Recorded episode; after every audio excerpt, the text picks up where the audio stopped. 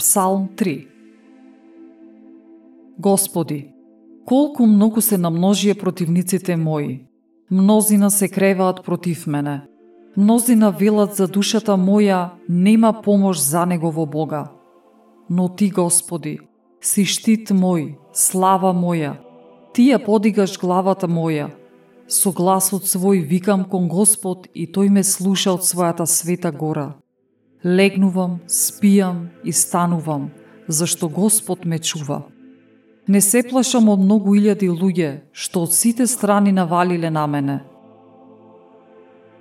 Стани, Господи, спаси ме, Боже мој, зашто Ти ги удираш по лице сите мои непријатели и им ги здробуваш забите на грешниците. Од Господ е спасението. Твојот благослов нека биде врз народот Твој.